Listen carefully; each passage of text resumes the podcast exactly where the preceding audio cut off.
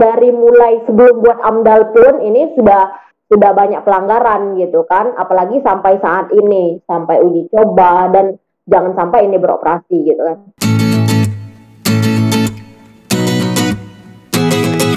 Halo semuanya, kembali lagi di Diktat, diskusi bareng kasar. Pada episode kali ini kita masih akan melanjutkan diskusi dari episode sebelumnya, yaitu membahas mengenai batu bara serta dampaknya terhadap lingkungan hidup. Uh, maka dari itu, daripada berlama-lama lagi, Mari kita dengarkan Diktat episode 1 bagian 2 kali ini. Selamat mendengarkan.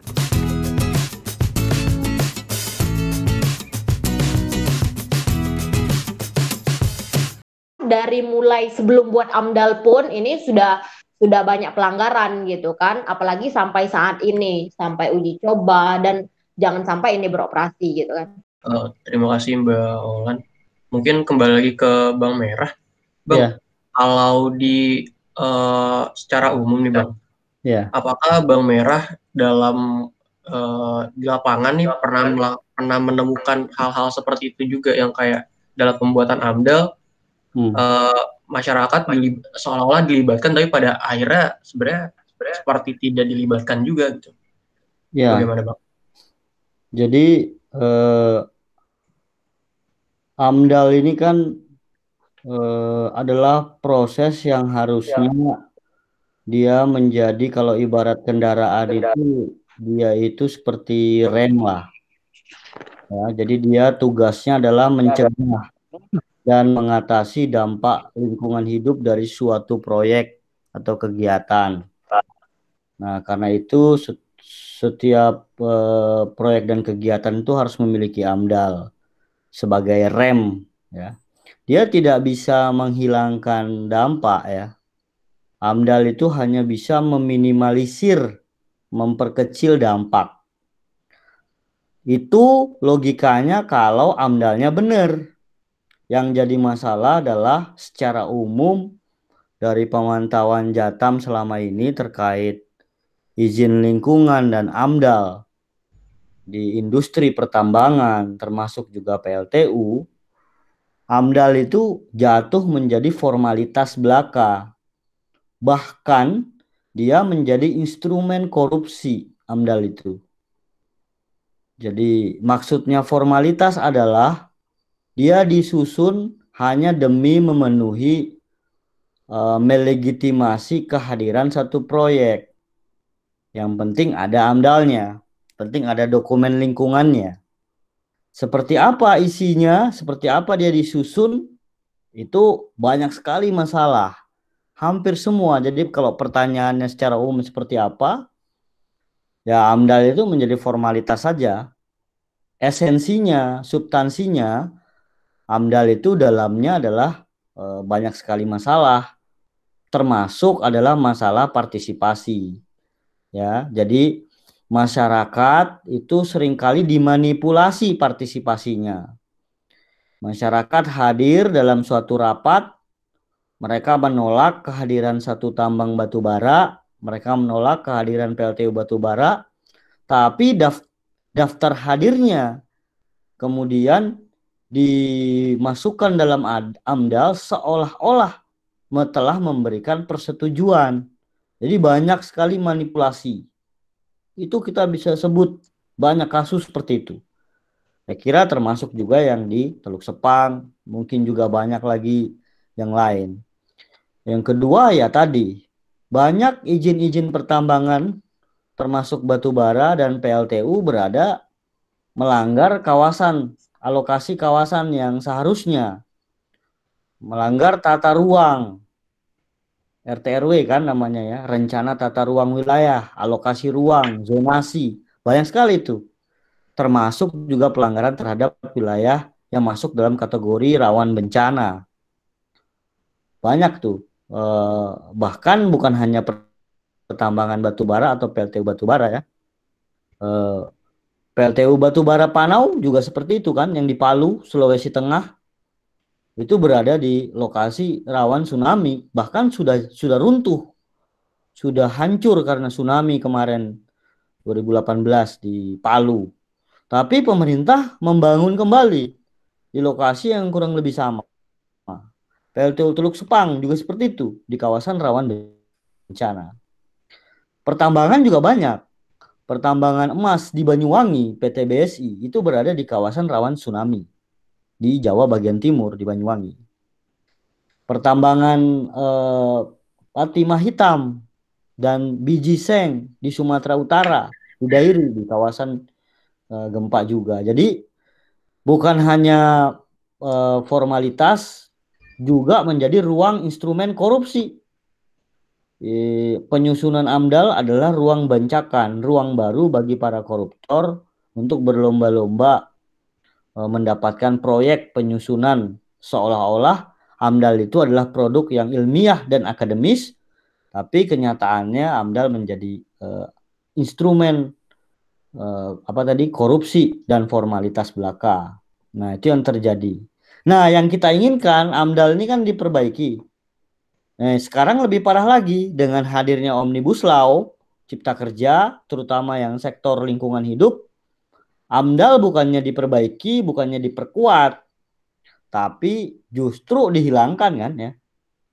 Nah, jadi eh, manipulasi-manipulasi, korupsi itu adalah cara masuk dari energi kotor batu bara, baik di tambang maupun PLTU. Jadi kalau kembali ke pertanyaannya tadi, secara umum data menemukan nggak di lapangan seperti ini? Oh, sangat ditemukan di mana-mana.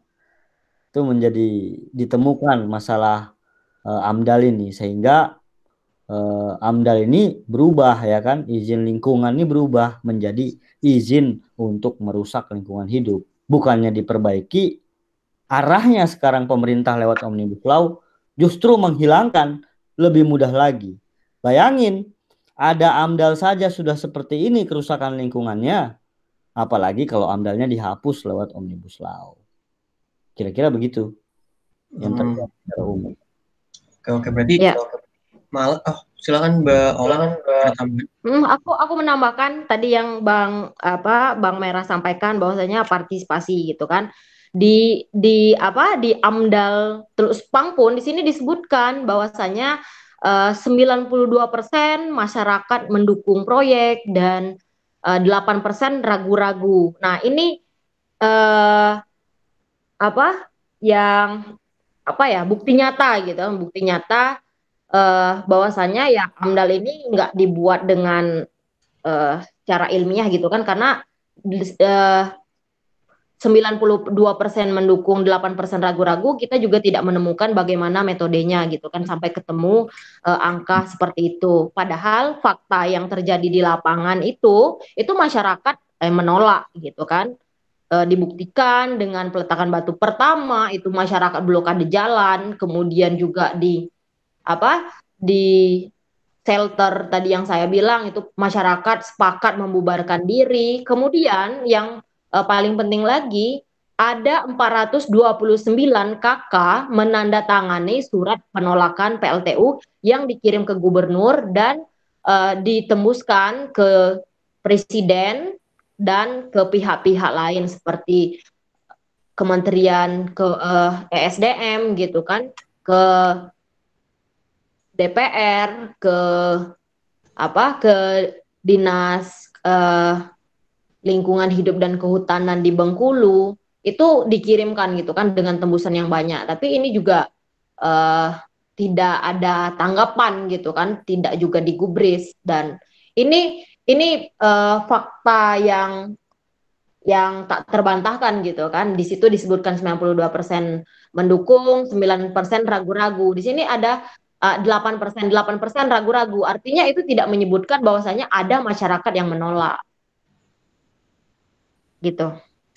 Hmm, oke okay, oke. Okay. Berarti uh, yang sah malah jadi berkebalikan ya. Yang seharusnya AMDAL itu menjadi pelindung, uh, menjadi rem dalam penyelamatan lingkungan hidup, yang ada malah AMDAL ini ya cuma jadi sekedar formalitas, bahkan jadi instrumen korupsi di lapangan ya, Bang ya, Mbak juga. Uh, yeah. Terus uh, mungkin kita kembali lagi ke masalah dampak nih, uh, Mbak Olan dan Bang Merah. Uh, kalau tadi di awal sudah dijelaskan mengenai uh, dampak lingkungannya yang begitu parah dari mulai uh, pencemaran ke tanah, lalu pencemaran ke laut dan juga udara. Uh, sekarang mungkin saya ingin bertanya mengenai dampak dari dampak kesehatannya, Mbak.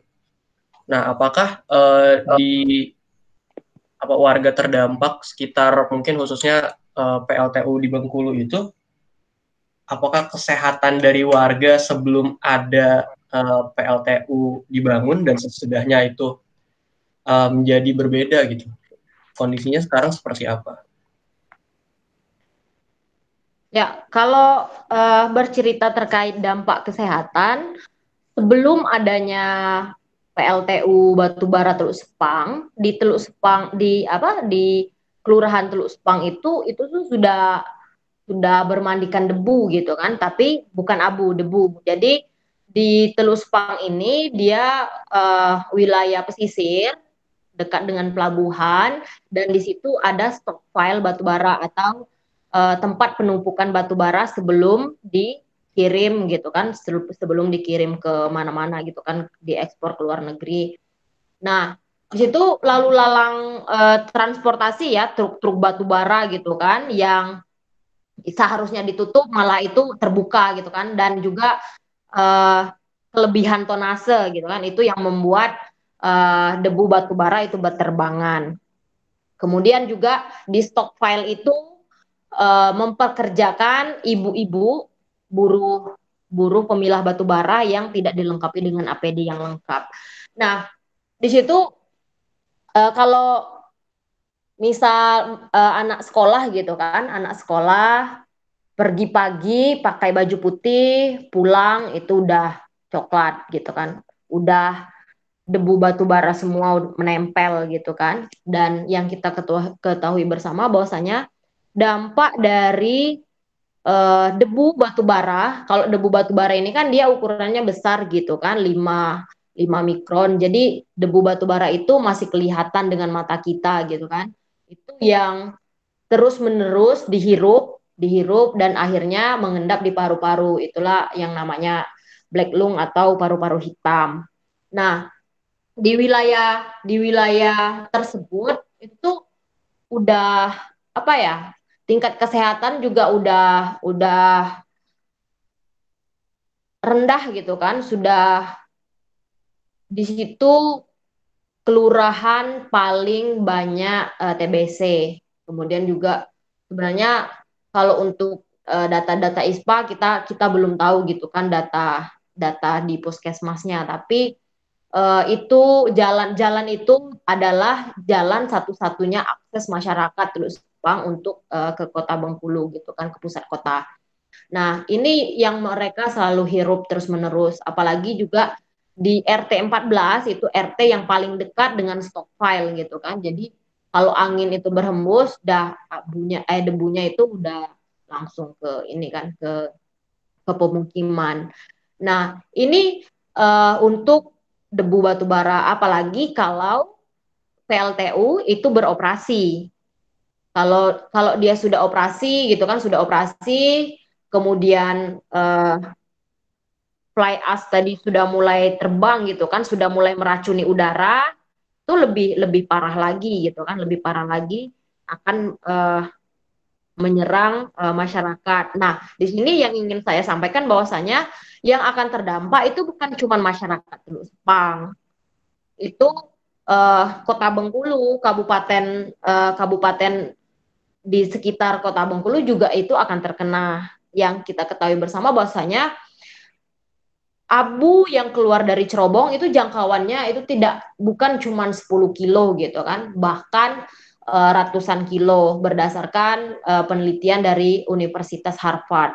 Itu jangkauannya itu sangat luas dan itu yang akan kami ya, kami hirup gitu kan.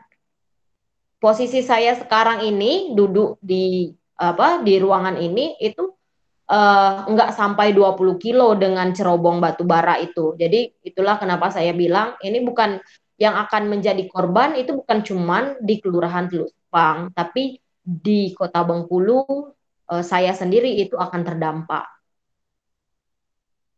Dan uh, kondisi kesehatan yang uh, sekarang itu seperti itu bahwasanya uh, masyarakat juga banyak nih yang uh, TBC kemudian juga kalau kemarin itu uh, saya bertemu dengan buruh gitu kan buruh yang pemilah batu bara itu ya kalau kalau pagi hari kalau bangun tidur gitu kan bangun tidur uh, apa uh, di matanya itu ya hitam, kemudian di hidung juga hitam gitu kan. Bahkan sampai uh, mereka batuk berdahak itu tuh ada ada apa?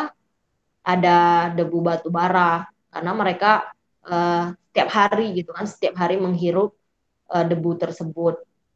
Dan uh, berdasarkan pernyataan uh, Prof Budi itu dosen uh, kesehatan masyarakat di UI waktu itu uh, beliau menjadi saksi fakta eh saksi ahli saksi ahli di uh, sidang PT UN Bengkulu itu beliau menyebutkan bahwasanya dampak yang akan terjadi oleh debu batu bara itu bisa kita rasakan 10 sampai 15 tahun. Sedangkan dampak dari abu abu, senyawa beracun dari hasil pembakaran batu bara itu akan lebih cepat, itu di 4 sampai 5 tahun. Gitu. Hmm, baik baik. Ternyata sebegitu mengerikan ya, Mbak ya. Mulai dari ya, bangun hmm. uh, sebelum sebelum ada PLTU sudah terpapar debu batu bara, kemudian ditambah lagi dengan uh, adanya PLTU, udah debu batu bara, abunya juga gitu kan. Jadi dua kali lipat. Hmm, baik baik. Mungkin dari Bang Merah ada tambahan? Ya, eh, tadi sudah sangat lengkap dijelaskan oleh Olan juga. Jadi eh, sebenarnya banyak sekali contoh ya yang menunjukkan bahaya Eh, batu bara baik pertambangan maupun PLTU bahkan yang sangat dekat dengan kita sendiri ya di Jabodetabek ya. Eh, tentu mungkin teman-teman perlu ketahui sekarang ini eh, sedang berlangsung juga gugatan ya di Pengadilan Tata Usaha Negara Jakarta eh, terhadap lima tergugat termasuk presiden dan juga gubernur eh, DKI Jakarta, juga gubernur eh, Jawa Barat termasuk ya yang dianggap sebagai eh, aktor-aktor kunci dari ancaman pencemaran polusi udara akibat dari eh, kebijakan pemerintah. Termasuk salah satunya adalah kebijakan yang terus memberikan ruang bagi eh, PLTU batubara ya. Nah, itu juga sangat dekat dengan kita di Jabodetabek ya. Jabodetabek itu ada 22 loh, 22 PLTU batubara loh. 22 PLTU batubara yang beroperasi ya, mulai dari Suralaya beberapa unit ya. Kemudian Labuan beberapa unit, Babelan, Pelabuhan Ratu juga termasuk di Banten, di Cikarang, Bekasi, Jawa bagian barat, lalu juga di sekitar Cilegon, ya, sampai PLTU Jawa 7, PLTU Jawa 9, dan seperti disampaikan Olan tadi, debu batubara itu, eh, asap cerobong batubara itu daya jangkaunya itu radiusnya bisa mencapai jarak 100 km. Itu artinya yang juga terancam oleh operasi e, pembakaran batu bara bukan hanya masyarakat yang berada di sekitar terdekat lokasi dari PLTU batu bara itu, tapi dia juga terbang ke mana-mana. Ya, 100 km tuh e, daya jangkaunya. Nah, gugatan ini sedang dilayangkan, sedang berlangsung bersama teman-teman lembaga bantuan hukum juga, banyak organisasi lingkungan yang terlibat di sana, eh, termasuk saya salah satu penggugat juga, teman-teman Walhi dan seterusnya. ingin mendorong uh, agar pemerintah mengubah kebijakannya, menghentikan rencana-rencana baru pembangunan PLTU batubara ini. Nah, karena uh, salah satunya sudah disampaikan tadi juga uh, ada yang paling khas ya, Olan. Saya kira kita semua sering membicarakannya dari dari dari dampak PLTU batubara itu adalah adanya partikel kecil yang disebut sebagai PM dua setengah ya, ya kan? Iya. Ya, yang uh, sangat kecil uh, ukurannya dan sangat berbahaya karena polutan ini bisa masuk ke dalam infeksi apa saluran pernafasan, ke dalam bahkan ke aliran darah manusia. Jadi saking kecilnya, sangat kecilnya, dia mudah sekali masuk uh, dan membahayakan tuh bagi anak-anak dan juga orang-orang dengan uh, beban kesehatan seperti tadi ada TBC, sebelumnya punya masalah dengan uh, ISPA itu akan bertambah parah. Nah, beberapa publikasi terbaru dari Harvard menunjukkan ini ancaman juga, terutama di masa pandemi corona ini. Karena kalau ya. kita bicara ciri-ciri dan karakter uh, gangguan kesehatan pandemi corona itu berkaitan juga dengan uh, apa uh, pencemaran udara dan saluran pernafasan. Nah, jadi orang yang berada di kawasan atau masyarakat yang berada di kawasan dekat pertambangan batubara maupun PLTU batubara beresiko lebih tinggi terganggu kesehatannya, termasuk orang yang terpapar dari debu batubara dan uh, PM setengah tadi. Nah, ini semua menunjukkan tren itu karena kandungannya itu kan banyak ya. Ada nitrogen dioksida, uh, termasuk juga merkuri ya merkuri juga juga terpapar dan bisa menyebabkan kematian dini itu ya.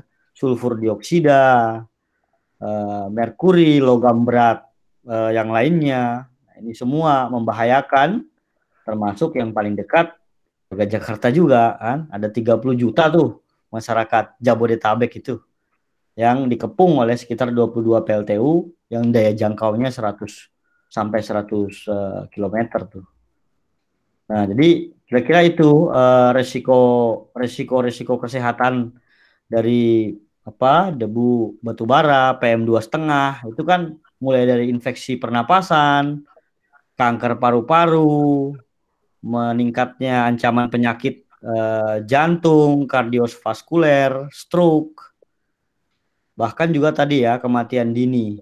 Ya, kematian dini itu juga catatan teman-teman Greenpeace itu membuktikan uh, orang pada usia tertentu itu telah meninggal dunia karena e, gangguan kesehatan yang diakibatkan oleh emisi dari PLTU.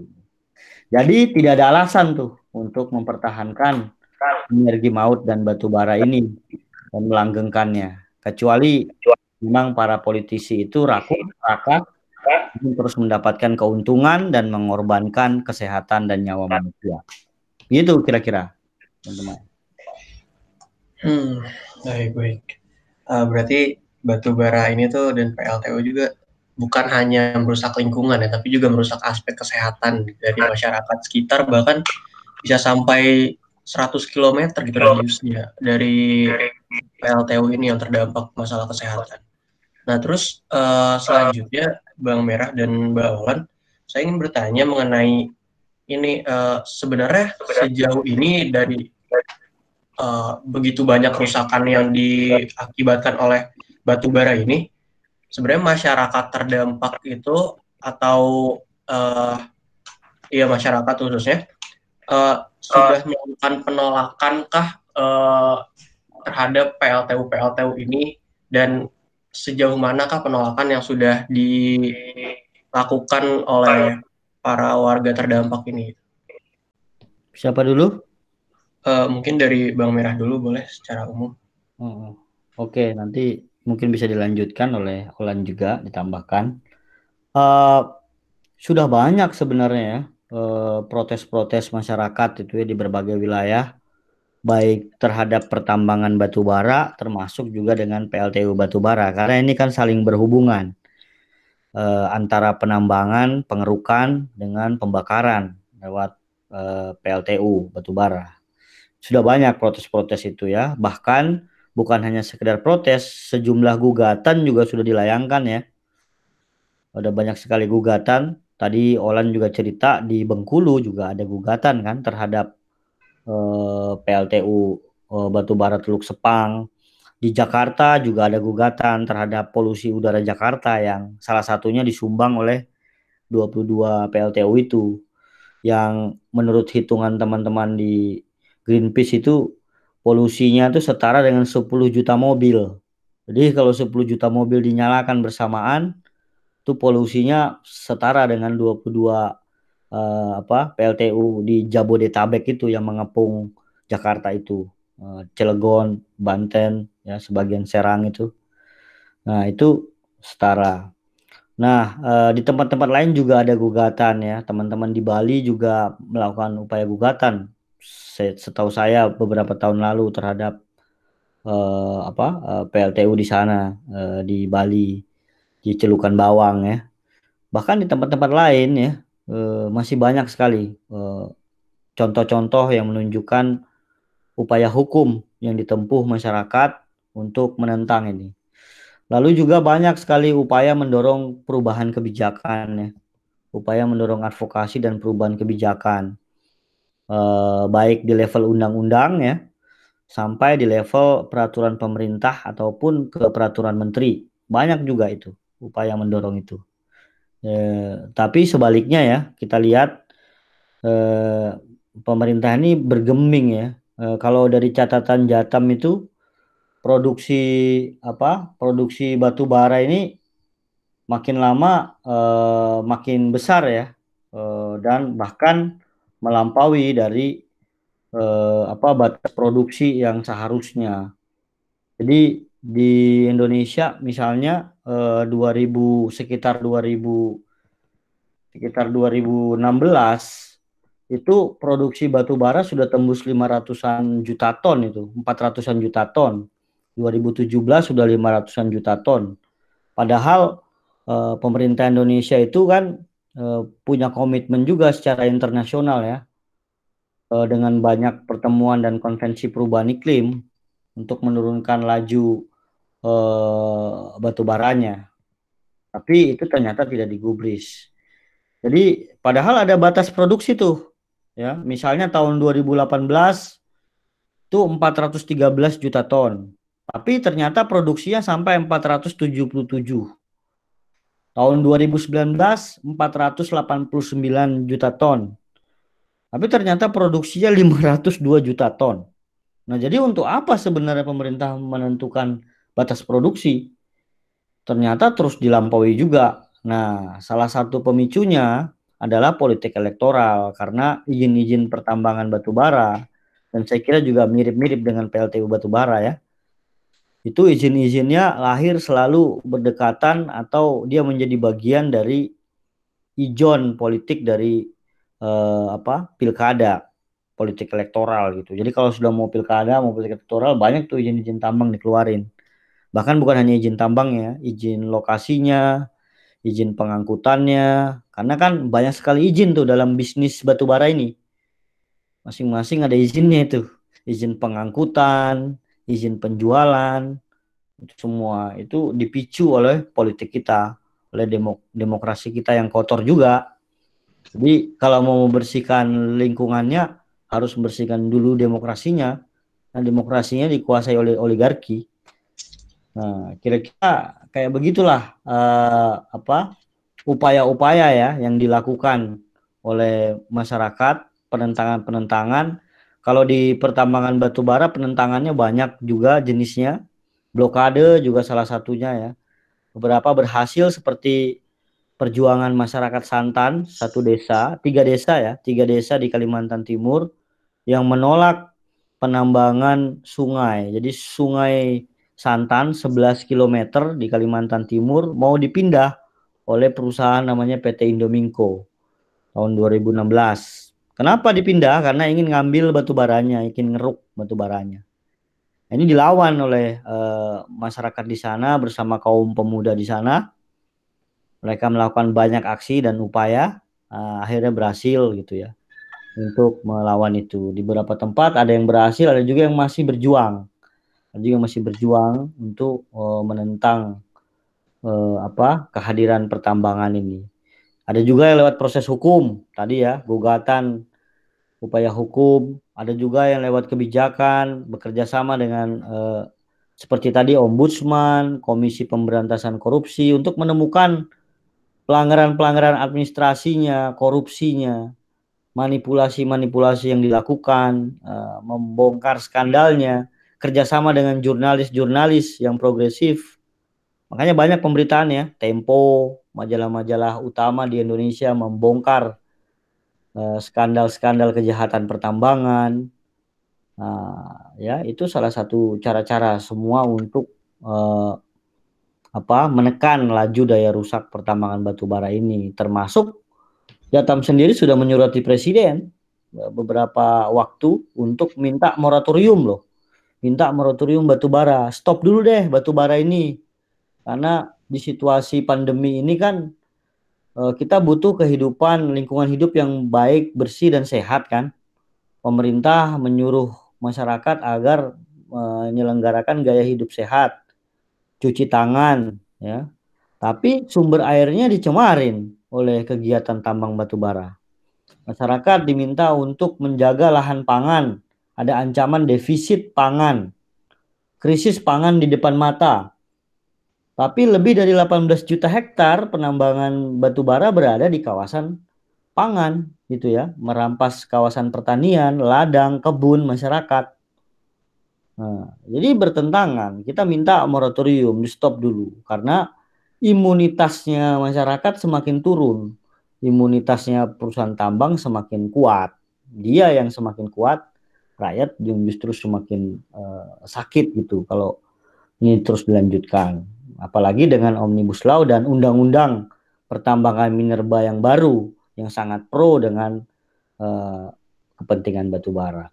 Jadi perjuangannya masih panjang tapi sudah banyak yang dilakukan oleh masyarakat eh, dengan banyak level upaya tindakan untuk eh, mendorong itu termasuk mempromosikan ya mempromosikan energi yang jauh lebih adil bersih dan berkelanjutan nanti mungkin bisa tuh eh, Olan cerita juga inisiatif yang dilakukan oleh kawan-kawan mempromosikan itu begitu kali ya hmm. Baik, baik. Terima kasih Bang Merah.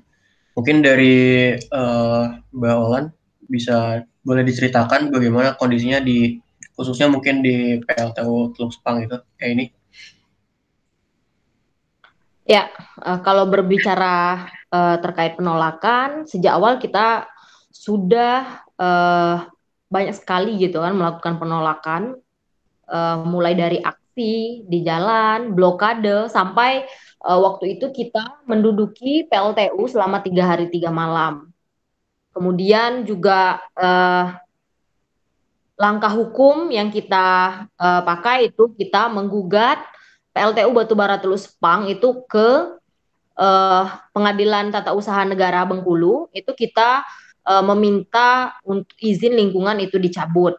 Nah, uh, dalam proses uh, sidang ini itu sudah uh, di di tahap pertama di tingkat pertama itu kita apa apa ya uh, kita dikalahkan gitu kan bukan dikalahkan juga sih uh, bahwasanya kalau dari uh, putusan itu disebutkan bahwasanya penggugat ini tidak tidak uh, berhak untuk menggugat gitu kan padahal ya penggugat ini ya masyarakat terdampak gitu kan yang uh, memiliki hak gitu. Kemudian juga di tingkat kedua itu di banding juga sama putusannya dan sampai hari ini kita di tingkat kasasi. Semoga saja majelis uh, hakim agung itu mengabulkan uh, kasasi kita untuk uh, mencabut izin lingkungan. Terus juga di tempat-tempat lain uh, kita juga di Sumatera itu ada jejaring Sumatera Terang untuk energi bersih gitu kan uh, di di Lahat itu di Sumatera Selatan Kabupaten Lahat nama desanya itu Desa Muara Maung uh, kawan-kawan di situ itu uh, blokade tambang ya tambang uh, PT Emas di situ ada tambang uh, ada empat tambang kemudian di di bagian hulu sungai pas pas hari hujan itu banjir membawa lumpur uh, beserta uh, kerikil batu-batu uh, batu-batu bara itu juga ikut terangkut gitu kan sampai uh, merusak lahan pertanian, kemudian uh, hewan peliharaan, bahkan rumah rumah warga yang ada di sana.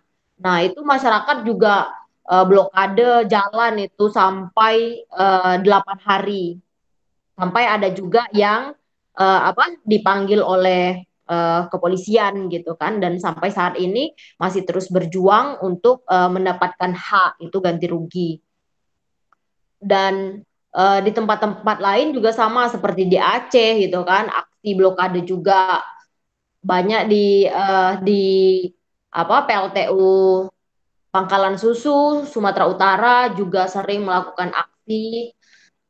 Bahwasanya PLTU itu sudah uh, sudah menurunkan tingkat pendapatan nelayan. Di situ di pesisir juga sama di sama dengan di Bengkulu gitu kan. Nelayannya itu sudah sudah apa merasakan dampak buruk dari PLTU itu biasanya mendapatkan hasil yang banyak gitu kan. Nah sekarang itu sudah tidak ada hasilnya lagi. Dan kalau kalau e, melaut itu harus harus jauh ke tengah gitu kan. Biaya produksi otomatis itu uh, semakin meningkat. Kemudian di tempat-tempat lain seperti di Riau gitu kan ada PLTU Tenayan Raya. Di situ juga eh, nelayan nelayan di Sungai Sia itu sudah merasakan dampak dampak nyata dari eh, dari PLTU tersebut. Itu limbah limbah eh, dari PLTU itu dibuang langsung ke laut. Nah, terus eh, di serangkaian penolakan seluruh masyarakat gitu kan di mana-mana hmm. sekarang itu uh, PLTU tambang itu ditolak oleh masyarakat tidak ada masyarakat yang setuju gitu kan uh, tapi uh, pemerintah juga semakin kuat kita menolak gitu kan. Semakin kuat pula pihak-pihak uh, uh, oligarki yang disebutkan oleh uh, Bang Merah tadi itu tuh uh, berjuang gitu kan untuk meloloskan atau mempermudah uh, usaha mereka gitu kan. Karena di, di lingkaran pemerintah juga sekarang itu kita sudah susah membedakan gitu kan. Udah terlihat para oligarki semua itu nah di uh, kebijakan pun itu malah mempermudah gitu kan mempermudah uh, izin izin izin-izin gitu kan, baik izin lingkungan dan lain-lain, AMDAL malah malah dihapus gitu kan.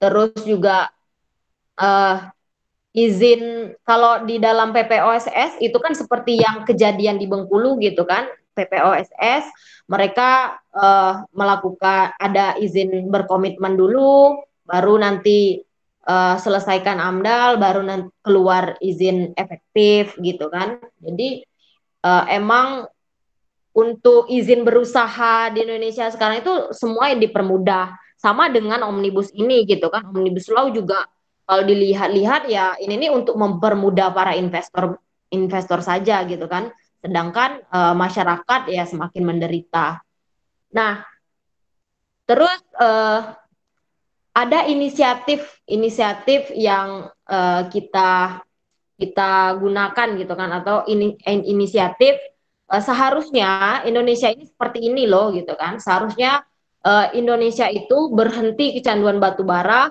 dan transisi ke energi terbarukan. Nah salah satunya uh, langkah yang kita gunakan itu ada inisiatif uh, program sekolah energi bersih Nah, yang kita ketahui sendiri bahwasanya energi bersih di Indonesia itu sangat berlimpah gitu kan. Sangat berlimpah dan ini sangat-sangat bisa uh, dimanfaatkan asal uh, dengan kemauan gitu kan. Karena uh, kalau kita melihat bahwasanya Indonesia masih ketergantungan batu bara, masih ketergantungan energi kotor. Uh, padahal di Indonesia itu sumber atau potensi energi bersihnya itu sangat uh, berlimpah tapi belum pemerintah kita itu belum ada komitmen gitu kan, belum ada komitmen nyata bahwasanya kita harus transisi ke energi terbarukan. Nah, kalau kalau data dari kawan-kawan ISR itu di tahun 2015 bahwasanya potensi yang ada di Indonesia energi bersihnya itu ada 4.331 431.745 megawatt dan yang baru dimanfaatkan itu baru 6.800 gitu kan itu baru baru sedikit sekali. Nah kalau untuk di Indo, di Bengkulu potensi potensinya itu ada 7.297 megawatt dan baru dimanfaatkan itu 259. Nah ini sebenarnya potensi yang besar ini seharusnya yang kita uh, manfaatkan bukan malah bangun PLTU lagi PLTU lagi gitu kan ya uh, sudah nyata dampaknya menyengsarakan uh, masyarakat. Nah, kita di Bengkulu itu uh, ada uh, satu sekolah yang tanggal satu kemarin itu kita resmikan gitu kan. Uh, jadi kita bekerja sama dengan sekolah pilihan, pilihan itu di SMA Muhammadiyah 4 karena sekolah itu emang sudah berbasis untuk penyelamatan lingkungan gitu kan.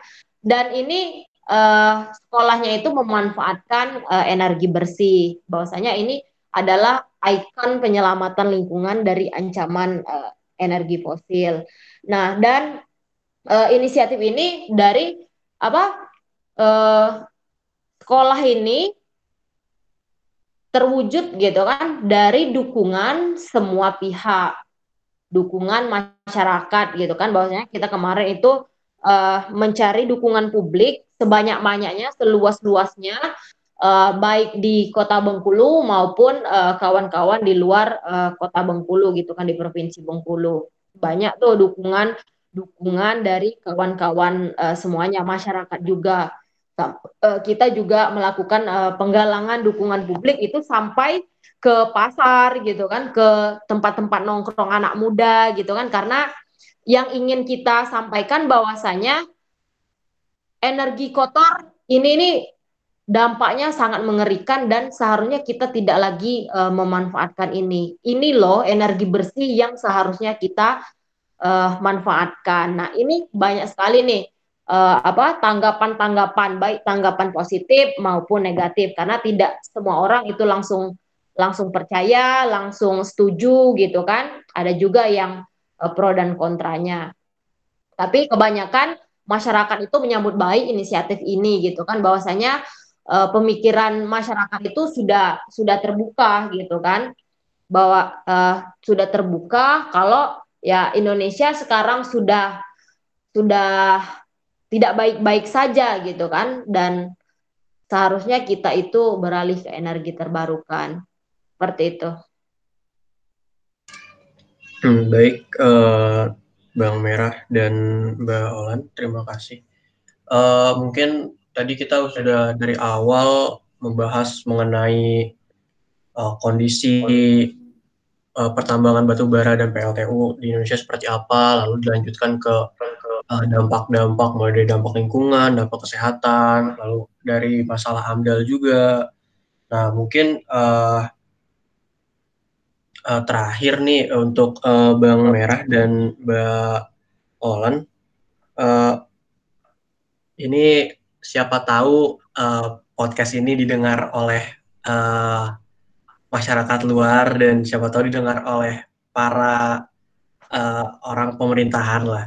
Nah mungkin ada nggak sih pesan-pesan uh, atau apa ya harapan lah untuk kepada pemerintah terkait kondisi uh, pemenuhan energi Indonesia ini yang saat ini masih didominasi oleh batu bara, gitu. Ya, jadi uh, yang harus dilakukan sekarang oleh pemerintah adalah melakukan moratorium eh, dan penghentian pemberian izin baik untuk pertambangan batubara maupun untuk PLTU batubara. Ini harus segera dilakukan. Eh, kenapa? Karena sudah jelas ya uh, batu bara ini adalah energi maut dan sekaligus kotor. Kotor. Jadi bukan sekedar dia menyebabkan polusi dan pencemaran, dia juga sudah uh, membunuh ya, sudah menyebabkan banyak kematian. Jadi harus ada ada tindakan itu yang dilakukan oleh pemerintah.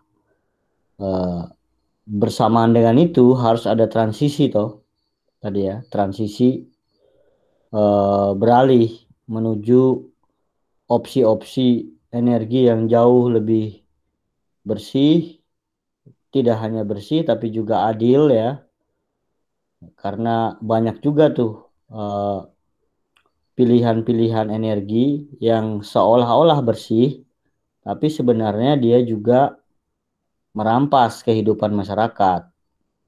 Seperti yang ditolak oleh warga di Solok ya, di Sumatera bagian e, barat. E, geotermal panas bumi di sana memang kalau dibandingkan dengan PLTU batubara dia jauh lebih rendah emisi karbonnya, tapi dia merampas tanah-tanah rakyat, dia menggusur tanah-tanah rakyat. Sehingga yang perlu didorong adalah solusi energi yang bukan hanya bersih tapi juga adil dan berkelanjutan. Bukan hanya ramah lingkungan, juga ramah terhadap masyarakat yang adil terhadap rakyat gitu yang yang itu yang paling penting. Uh, yang berikutnya adalah pemerintah itu harus melakukan tata ulang terhadap produksi dan konsumsi batu bara. Selama ini kan produksi batu bara itu hanya memenuhi kebutuhan pasar. Jadi kita ini pelayan dari pasar global. Pelayan dari para pembeli batu bara. Berapa kebutuhan batu bara di pasar, segitu juga yang kita produksi. Nah, itu keliru karena akhirnya kita eh, lebih menjadi pelayan dari pasar global. Kita membongkar batu bara kita habis-habisan, dikeruk sebanyak-banyaknya untuk dijual. Padahal kita tahu batu bara ini adalah sumber daya yang tidak bisa diperbaharui. Nah, negara-negara lain itu eh, cadangan batu baranya jauh lebih banyak, dia tidak mengobrol habis batu baranya, disimpan. Itu ya. Karena apa? Karena batu bara ini adalah komoditi yang strategis sekaligus dia juga dampaknya atau rusaknya sangat tinggi. Jadi kalau ada industri batu bara, pasti industri lain kalah. Ada pertambangan batu bara, tidak mungkin dia bersebelahan dengan pertanian. Ada ekonomi batu bara, tidak mungkin ekonomi pertanian, ekonomi perikanan seperti nelayan bisa hidup berdampingan, tidak mungkin pasti kalah uh, oleh oleh operasi batubara ini sehingga dia harusnya menjadi last resort pilihan terakhir. Nah, jadi tata ulang terhadap produksi dan konsumsi. Lalu juga mendorong pemenuhan energi berskala yang lokal gitu dan sesuai dengan potensi yang tersedia. Kalau di suatu wilayah itu potensi energi anginnya jauh lebih besar, kenapa tidak itu digunakan? Kalau di suatu wilayah yang lain potensi energi surya lebih banyak, kenapa tidak itu didorong gitu ya? Tentu dengan sesuai dengan kebutuhan dan situasi lokal. Dan meninggalkan juga model-model pendekatan proyek gitu. Karena selama ini eh, pemenuhan energi kita itu berbasis proyek. Makanya PLN itu bangkrut kan. Karena itu jadi bancakan kan. Selama ini korupsi di bidang energi itu terjadi di PLN kan. Ya karena monopoli terjadi di situ. Persaingan usaha tidak sehat terjadi di situ, korupsi terjadi di situ karena semuanya pendekatannya proyek skala besar. Ada proyek 35.000 eh, megawatt pemenuhan listrik. Itu kan semuanya dari batu bara itu, mayoritas eh, batu bara. Harusnya pemenuhan listrik itu berdasarkan kebutuhan lokal aja. Nah, jadi banyak sekali yang harus direformasi, banyak sekali harus dibongkar dan ditata ulang dalam urusan energi kita agar kita ini betul-betul berdaulat energi, bukan menjadikan energi sebagai ladang bisnis yang akhirnya nanti eh, korupsi terjadi di mana-mana, rakyatnya tidak sejahtera, malah sebaliknya menghadapi kerusakan lingkungan dan eh, apa krisis iklim itu yang terjadi karena batu bara ini juga biang keroknya krisis iklim. Jadi segeralah bertobat kalau ada pemerintah yang dengar segeralah bertobat insaf untuk meninggalkan kecanduan terhadap energi maut dan kotor yang namanya batu bara ini. Terakhir tidak hanya bagi pemerintah, bagi masyarakat, bagi kaum terpelajar, bagi mahasiswa, dan yang lainnya terus bergerak harus mendorong perubahan ya karena kerusakan lingkungan di Indonesia ini sebenarnya disumbang karena uh, kerusakan politik kita bentang lingkungan hidup kita rusak karena bentang politik kita rusak. Nah demokrasi kita dicengkeram oleh oligarki. Jadi kita butuh demokrasi yang bersih untuk memastikan lingkungan hidup kita juga bersih alam kita juga bersih. Dan itu kuncinya adalah perubahan dorongan anak muda yang banyak terjadi di banyak daerah wilayah sudah bahkan sudah di negara lain ya. Semua kampionnya, kampion perubahan, aktor perubahannya adalah anak muda, mahasiswa, kaum kaum uh, yang berada di depan adalah kaum kaum muda. Ya, uh, protes climate strike dilakukan oleh anak muda oleh Greta Thunberg, oleh anak berusia 16 tahun perubahan dan dorongan perubahan demokratik, perjuangan demokratik revolusioner di Hong Kong, Hong Kongers itu juga melibatkan anak-anak muda di sana. Di bahkan di Amerika Serikat perjuangan melawan fasisme dan rasisme itu dilakukan anak muda. Sehingga jangan berharap perubahan ini datang dari orang-orang generasi orang-orang yang berkuasa, orang-orang tua atau orang berkuasa, tapi harus direbut. Ya, tidak datang dengan mudah dan saya kira podcast ini adalah bagian dari upaya ke sana. Mudah-mudahan semua cita-cita kita uh, menuju masa depan baru yang lebih baik itu bisa tercapai. Terima kasih banyak kawan-kawan uh, apa BEM MIPA ya, BEM MIPA ini ya. Iya betul bang. BEM MIPA UI yang sudah memberikan kesempatan ini. Silakan nanti mungkin bisa diteruskan oleh orang. Terima kasih. Selamat malam kawan-kawan. Selamat malam uh, Bang Merah. Terima kasih uh, mungkin terakhir dari Mbak Olan pesannya untuk yang mendengarkan baik kepada pemerintah maupun mungkin ke masyarakat luas. Silakan, Mbak. Ya, terima kasih. Di mana ada tambang batu bara, PLTU, di situ masyarakatnya tidak sejahtera. Justru malah e, menyengsarakan gitu kan.